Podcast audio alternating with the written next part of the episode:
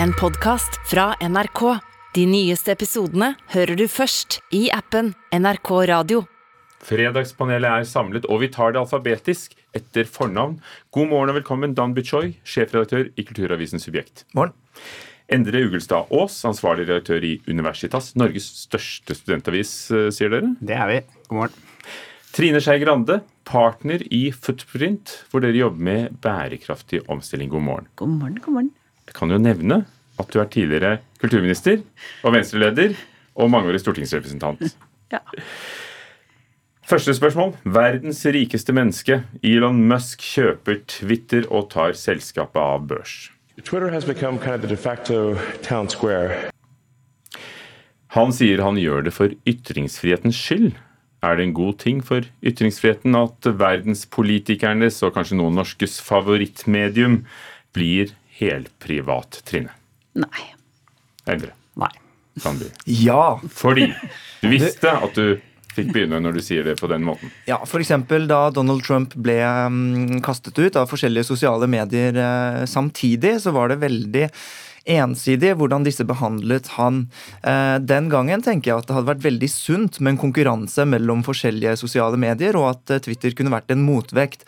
Og det er jo ikke fordi at jeg elsker Donald Trump, eller at han har så fantastiske meninger, eller at eh, han ikke hisset opp til bråk, men jeg tenker samtidig at en person som uansett har tross alt halvparten av USAs befolkningsoppslutning, det tenker jeg er verdt å høre på, og verdt å gi en plattform, som det heter.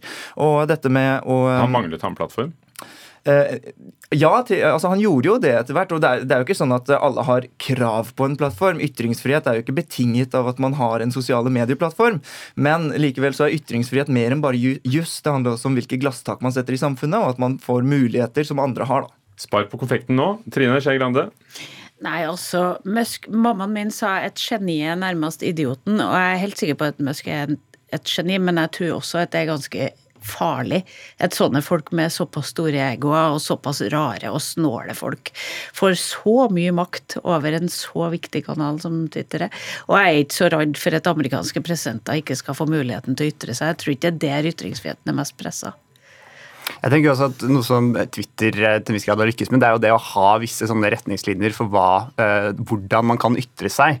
Eh, og, og Sånn sett så tenker jeg jo at det som Musk har sagt at han skal gjøre, er at han skal gjøre det til en helt fullstendig fri plattform, hvor man skal få ned modereringen, og sånn at det da kan bli større rom for, for hatefulle ytringer og trakassering. Og Hvis det skjer, så tenker jeg at det er en, en utfordring og også en trussel for, for ytringsfriheten, fordi da kan det bli også vanskeligere for uh, f.eks. Uh, transpersoner eller eh, eh, andre som har hvert fall blitt utsatt for en del eh, hatefulle på, på Twitter. Også på Eh, Twitter. også på Twitter ja. Altså, Vi har jo allerede lovverk som begrenser ytringsfriheten, og det er ingen ytringsfrihetseksperter som kjemper for en sånn absolutt ytringsfrihet, som det heter. Men eh, spørsmålet er om vi moralsk og sosialt skal eh, sette glasstaket lavere. Og det syns jeg ikke trengs. Eh, og så er det sånn at eh, Elon Musk tross alt vil eh, ha foreslått åpen kildekode, åpenhet om algoritmer, og dette vil konkurrere sterkt mot Facebook og tvinge dem til å være mer åpne om sine Det, hva vil det bety, dette, det som er greia på dette med åpen kildekode? Jo, jo, selvfølgelig. at det, Da vil vi ha mye større grunn til å ha tillit til dette. Og til slutt, apropos menn med makt og sånn, det er jo uansett noen som må eie dette til slutt. Hadde det vært staten, så hadde det vært en mye større trussel enn om en enkeltperson hadde gjort det. Men Ja, poenget er at en sa prins, en saudiarabisk prins som eier det nå, eh, og sjeiker og sånn, det er ikke nødvendigvis noe bedre enn Elon Musk. Ja, men Nå er det et AS med, eh, et, nå er det et offentlig AS som må stå til regnskap eh, for offentligheten, som aksjeselskapet må. Jeg syns jo alltid det er et poeng å spre makt. Og det å styre Twitter er makt. Og jeg syns det er genialt at den fyren har brukt livet sitt på å lage biler som ikke slipper ut noe. Det syns jeg Tusen takk for innsatsen, sier jeg til det. Men, men det, å, det å se at én person skal ha så stor makt over en så viktig plattform, så er det bra det han har med, med åpenheten rundt plattformen. Men jeg syns jo generelt at maktstrukturene rundt disse plattformene, rundt disse algoritmene, rundt hele det de gjør for å påvirke offentlig debatt, Det, det syns jeg er et varsko for oss Så- alle, at vi må passe på oss. Som tidligere politiker, er Twitter viktig? Er Twitter viktig også i Norge? Twitter er kjempegøy. Også i Norge? Ja, det er Ja, gøy, ja. men er det viktig i Norge? Nei, jo, jeg tror ikke at du snakker med de store massene via Twitter, men det er veldig gøy å diskutere på Twitter. Uh, ja, altså det som jeg var inne på, så tror jeg liksom det der, Så lenge man klarer å liksom ivareta de der offentlige kjørereglene også, for liksom hvordan man kan nytte seg, så, så tror jeg Så er det ikke utelukkende negativt, men, uh, men jeg tenker det er viktig. Ja, eh, Twitter for å svare på spørsmålet ditt, er ikke så viktig i Norge. I eh, andre land så er det langt større prosentandel av eh, befolkningen som bruker Twitter enn i Norge. Vi får følge med. Nå har han solgt masse Tesla-aksjer, antageligvis, tror de. For, vi skal høre mer om det senere i sendingen, for å betale for Twitter. Nytt spørsmål. Kulturrådet foreslår at vi skal gjøre som i Frankrike, også i Norge. I et eget kulturpass til ungdommen. I Frankrike er dette da selvfølgelig en app. 3000 kroner der for å bruke på bøker, musikk, abonnementer, konserter annet kulturtilbud. Eh, Dette kom i en rapport som Kulturrådet la frem mandag. 36 forslag for å styrke kulturlivet etter pandemien, skrev Aftenposten om. Bør også Norge gi ungdommen et kulturpass? Dette, ja. Ja. Ja, de sa ja, så må jeg si nei, da. Men mener du ja, du også? Nei, men, jeg, men kanskje at det, at det er mange andre måter å gjøre det på enn akkurat den måten franskmenn eh, har gjort det på, med liksom en sånn ren pengeoverføring. Men vi prøvde jo som et kulturkort i Norge når eh, jeg satt i regjering. Det har jo blitt eh, kraftig parkert, så jeg tror ikke det blir noe av dette heller. Men, men det å Noen kommuner har jo aktivitetskort for Ja, barn, men her er jo 18 var- 18 år oppover, da. Ja, var, det var det vi forsøkte å lage hele, for hele Norge, og så parkerte den nye regjeringa det. Men, men eh, jeg mener jo at det viktige her er å, å legge til rette for denne type aktivitet. Og da bør kanskje teatrene være dyktigere til å lage ting som ungdom faktisk har lyst til å gå og se. Ikke at prestene mine alltid er voksne. Da bør eh, alle liksom strekke seg etter å nå disse gruppene, og da ikke tro at, bare, at det er bare penger som gjør det, men mye av det som settes opp på norsk teater, syns ungdom er kjedelig. Og det er det største trusselen eh, for kul- kulturkonsumet.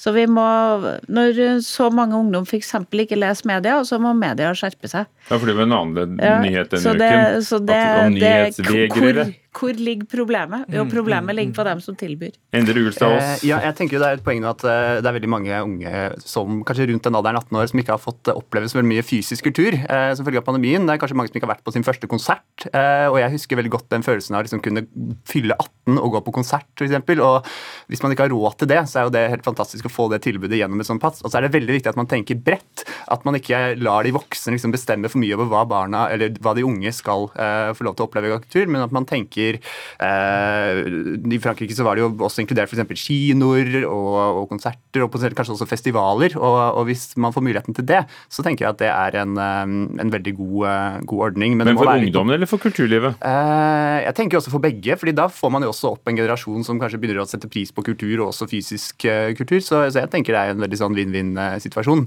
For kultur er da en kjempeindustri allerede? Eh, Ja, absolutt, men eh, det er veldig fordelt ulikt eh, på forskjellige sektorer av kulturen igjen. F.eks. scenekunst sliter mer med å selge billetter enn festivalene.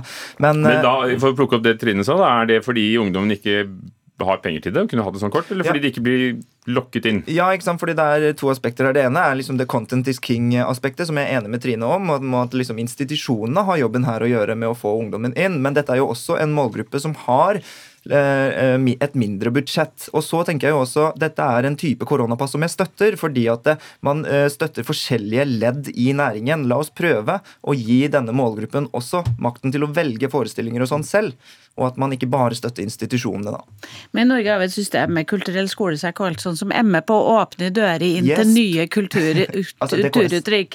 Ikke sant? Og problemet er jo det at jeg kommer ikke til å gå noen flere ungdommer på å høre Oslofilharmonien.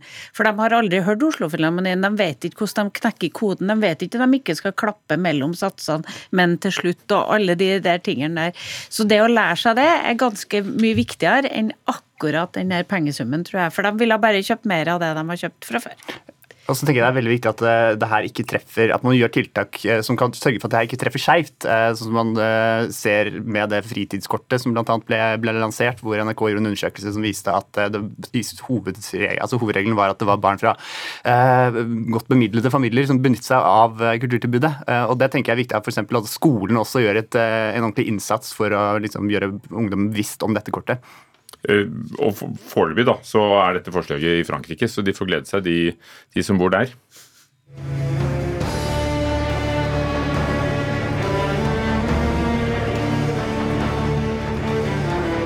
Satyricon. Bandet har laget et uh, timeslangt musikkstykke som spilles i et mørkt rom, sammen med grafikk og maleri av Edvard Munch, og det skjer eh, i kveld. Utfremføringen er i kveld, og så skal det pågå videre på Munch-museet, som bare kaller seg Munch. Og satyrkons Sigurd Vongraven sier det sånn. Jeg er helt overbevist om at Munch, som var så eksperimenterende og utforskende, ville ha omfavnet dette her, og det føler jeg på en eller annen slags åndelig måte at han allerede har gjort. Eh, så spørsmål til dere er, ville du omfavne metallmusikk sammen med Edvard Munch? Det skal jeg, ja. Ja. Jeg, jeg, prøver å være litt uenig av og til, men dette er jeg så for. Dette må jeg si ja til. Dan Bichoy, du får første spørsmål, for du skal videre i et annet intervju. Du får første svar og si hvorfor det er så bra at Satyricon nå har fått et time, times musikkverk som de har laget i Munch? Du, Jeg syns de uh, folka på Munch-museet er så dyktige. Uh, det nye bygget er kanskje det minst imponerende med Munch-museet. Altså. De er uh, utrolig den, den, staben setter sammen noen Kuraterer altså noen utrolig sofistikerte samarbeider. Satyricon og de grafiske arbeidene av Edvard Munch. That's music in my ears, som man sier på nynorsk. Det er jeg, um, og ikke minst at man eh, i det hele tatt får dette til å skje. Jeg tror eh, absolutt at det kommer til å bli en hit. Og så er det jo, ikke sant, både, altså Vi har black metal Satyricon, eh, eh, som er et av Norges mest kjente black metal-band. Vi har Sigurd Von Graven, eh, vinkjenner, og det er veldig kultivert, hele samarbeidet. Ja, er det, er det kunst Er det musikkopplevelsen som økes, eller er det bildekunsten? Jeg, jeg, det er jo soleklart at det å koble ulike kulturuttrykk på den måten de gjør, er kjempeviktig for å, for å klare å åpne kanskje museet for nye grupper. Da. Eh, og så er det Jeg tror jo at Munch er metall. Jeg, ser helt klart det Vongraven sier som, som, en viktig kobling, for jeg, det er veldig mye av det som, som Munch formidler i malerne sine, som er veldig likt det, det du opplever med den musikken. Ja, så synes jeg hun, Mona Palle Bjerke her i NRK hadde et veldig godt poeng hun sier at det er liksom to av våre største kulturelle eksportartikler som møtes med liksom black metal i dag eh, og, og, Munch, som jo er en av våre historiske, altså største kunstnere. Så at man liksom får en sånn uh, Får krysset de sammen uh, i en utstilling, tror jeg er kjempe, kjempespennende. Uh, og så liker jeg veldig godt at man liksom gir kulturarven litt, sånn, litt bank. At man gir den liksom motstand. for det tenker jeg er nødvendig for at den skal klare å holde seg levende aktuell. Men det var det det var jo det Munch gjorde også, mm. å, å, gi omverdenen litt bank. Og så, og så setter han på en måte ord på eh, Nei, han lager bilder som beskriver liksom frustrasjon og sinne og, og, fortvilelse og alt det. Og er det noe som metal er helt genialt på, så er det jo å få ut den eh, gugga i oss som, eh, som, som, som, av og til bare må ut, da.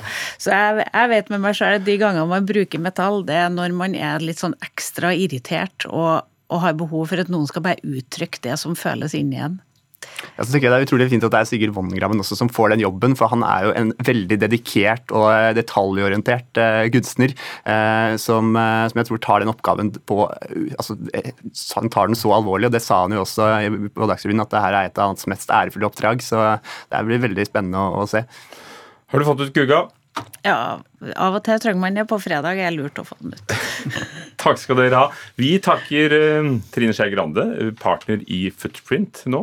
Uh, Endre Ugelstad Aas, ansvarlig redaktør i Universitas, Studentavisen. Og Dambi Choi, som måtte forlate oss uh, for noen minutter siden til et videre intervju. Han er sjefredaktør i Subjekt. Du har hørt en podkast fra NRK. De nyeste episodene og alle radiokanalene hører du i appen NRK Radio.